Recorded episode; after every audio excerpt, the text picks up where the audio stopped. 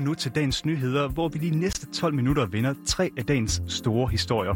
Jeg hedder Lukas Bjerg, og med mig der har jeg Laura Brun. Det har du nemlig. Godmorgen, Lukas. Godmorgen. I dag der skal vi blandt andet snakke om en tweetaktion hos politiet, hvor betjente i he- igennem hele dagen de vil tweete om deres arbejde. Og så skal to ministre i samråd om balladen om bestsellers tøjproduktion i Myanmar. Og så har udlændinge- og integrationsminister Mathias Tesfaye, han har været i vælten under et borgermøde på Langland i aftes, og nu genovervejer en ret omdiskuteret beslutning.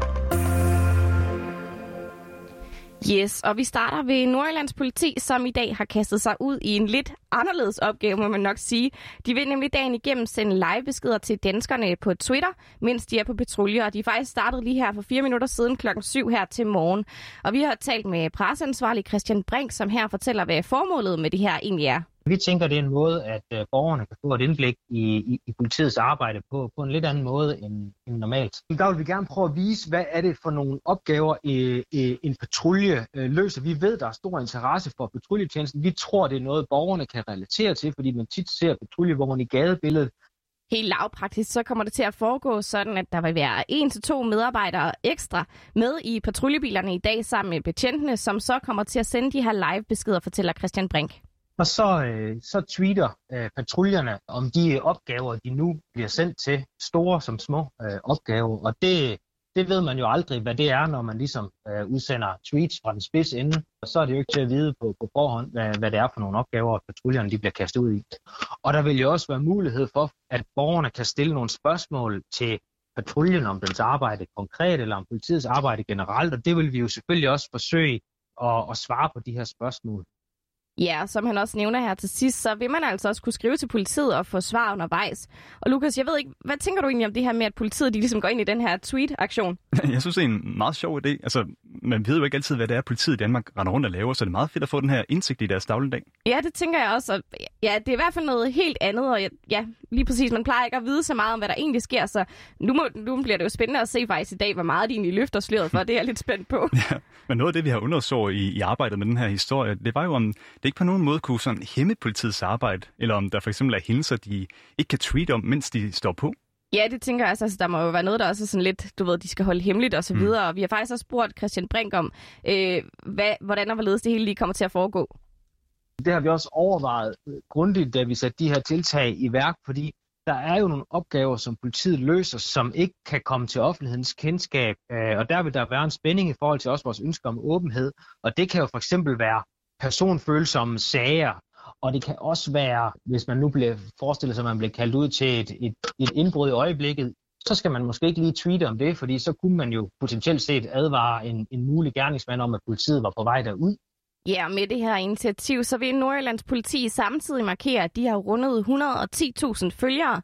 Og det viser altså også vigtigheden af, at myndigheden er til stede, hvor danskerne er, nemlig på de sociale medier, fortæller Christian Brink. Og han håber altså også, at den her tweetaktion i dag er med til at give noget mere gennemsigtighed. Men jeg synes faktisk, det jo også handler om, om noget tillid og noget åbenhed, altså at vi også gerne vil vise øh, dele af, af vores arbejde. Det ved vi jo, borgerne har, har en interesse i, og jeg synes da, at altså et politi i, i, i et demokrati skal da også vise, hvad, hvad det er for nogle øh, opgaver, vi løser. Hvad så med dig, Laura? Skal du så ind og følge politiet på Twitter i dag? Det skal jeg faktisk, fordi at øh, i vores øh, podcast Indsigt, der kommer vi også til at dykke ned i hele den her tweet-aktion i dag. Og det, den står jeg jo for, så jeg skal følge med øh, hele dagen i dag, tænker Mm, jeg. ja. Og hvis du, kære lytter, sidder derude og egentlig gerne vil følge med i politiets arbejde i dag, men ikke har en Twitter-profil, så kan du altså bare lige gå ind på Google og skrive Nordjyllands Politi og Twitter, og så kan man også se med fra sidelinjen. Og så skal vi en tur ind i Folketinget, hvor to mini- ministre i dag de skal i samråd om tøjproduktion i Myanmar. Hvor tæt har du egentlig fulgt den her historie, Laura?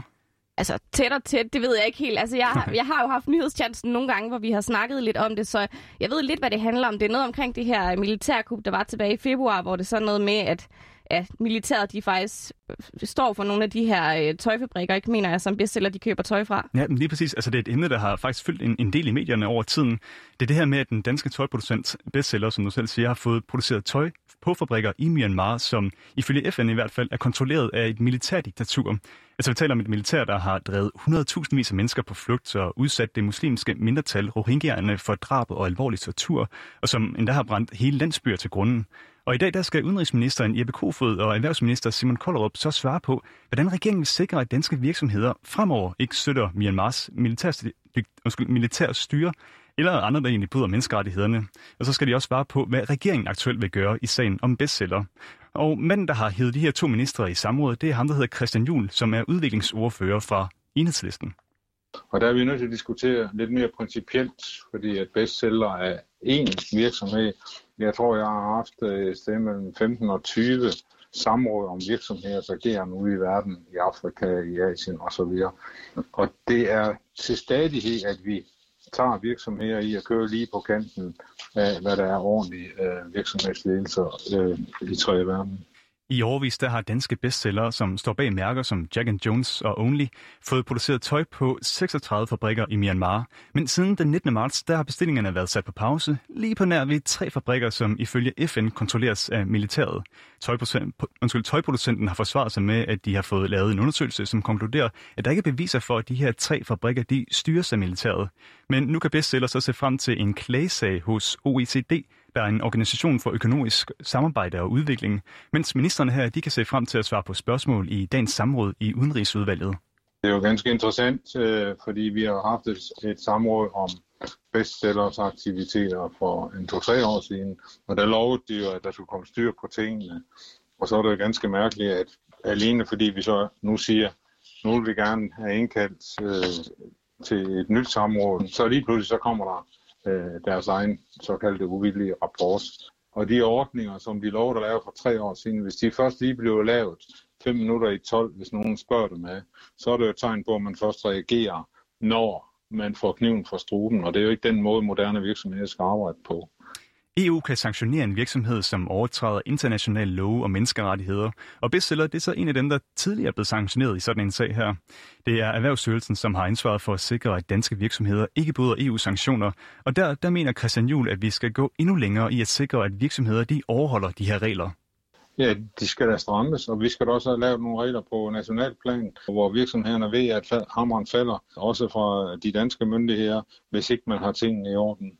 Og så skal vi øh, styrke fagforeningerne i alle lande, fordi hvis det var arbejderne, som arbejdede i den virksomhed, som sagde, hey, det her det er, på, det er på kanten, så kunne de reagere. Og så vidste vi, at det ikke bare kun, når der kommer uanmeldt en konsulent og kigger på tingene, at øh, det så bliver, tilfældigvis bliver opdaget, eller hvis det er en dygtig journalist, der graver.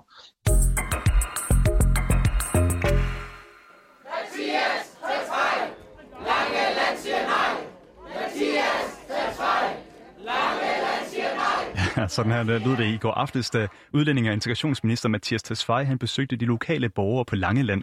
Og på øen, ja, der stod flaget på hals. Det skulle være udtryk for deres enorme utilfredshed med, at der til næste år skal ligge et nyt udrejsecenter for blandt andet kriminelt, undskyld, kriminelt afviste udlændinge.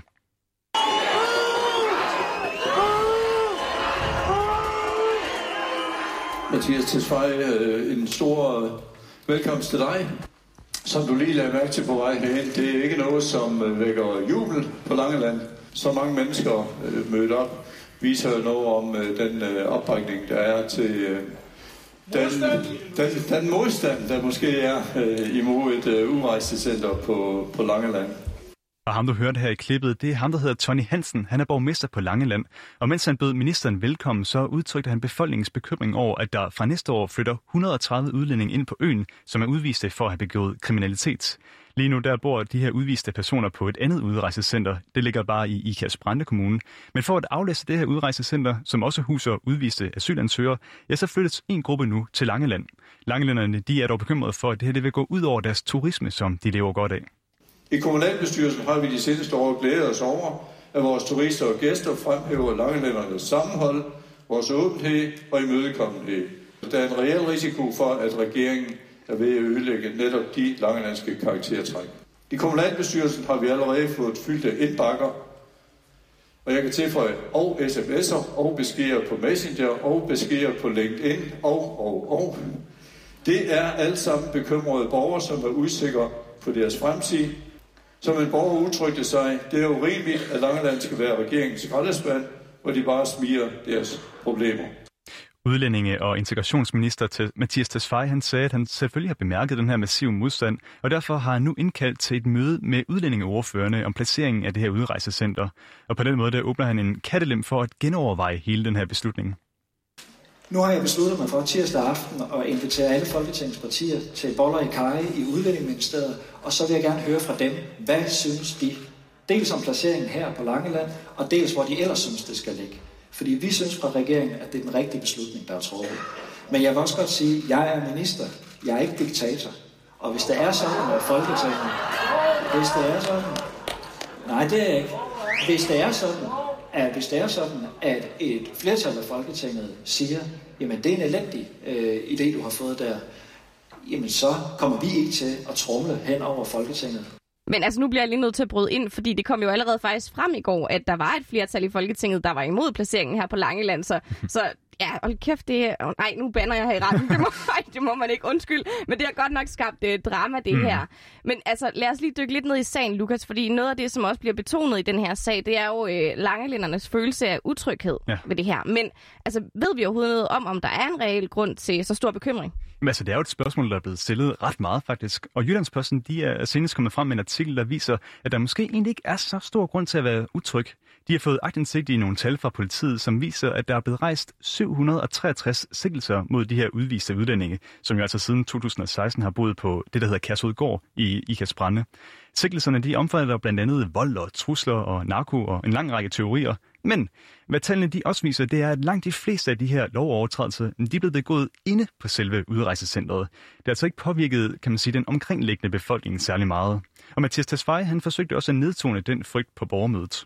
Jeg har læst i aviserne, at det, det virker som om, at nu kan man godt slukke lyset på Langeland. Altså det er der på ingen måde grundlag for.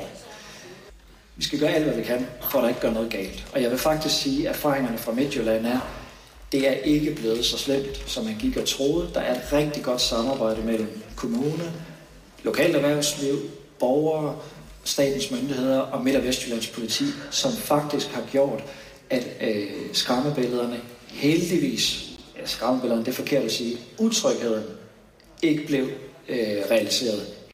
Ja, øh, oven på det her, så vil jeg da bare sige, at det bliver spændende at finde ud af, hvordan hele den her sag den ender. Altså, jeg synes, det er, det er kastet op i luften nu, og man ved ikke rigtig, hvor den lander. Øhm, og med det, jamen, øh, så fik jeg faktisk de sidste ord i den her udgave af Dagens Nyheder. Udsættelsen den var tilrettelagt af vores kollega Rassan Elena Kip, og din værter det har været Lukas Bjerg og mig, Laura Brun.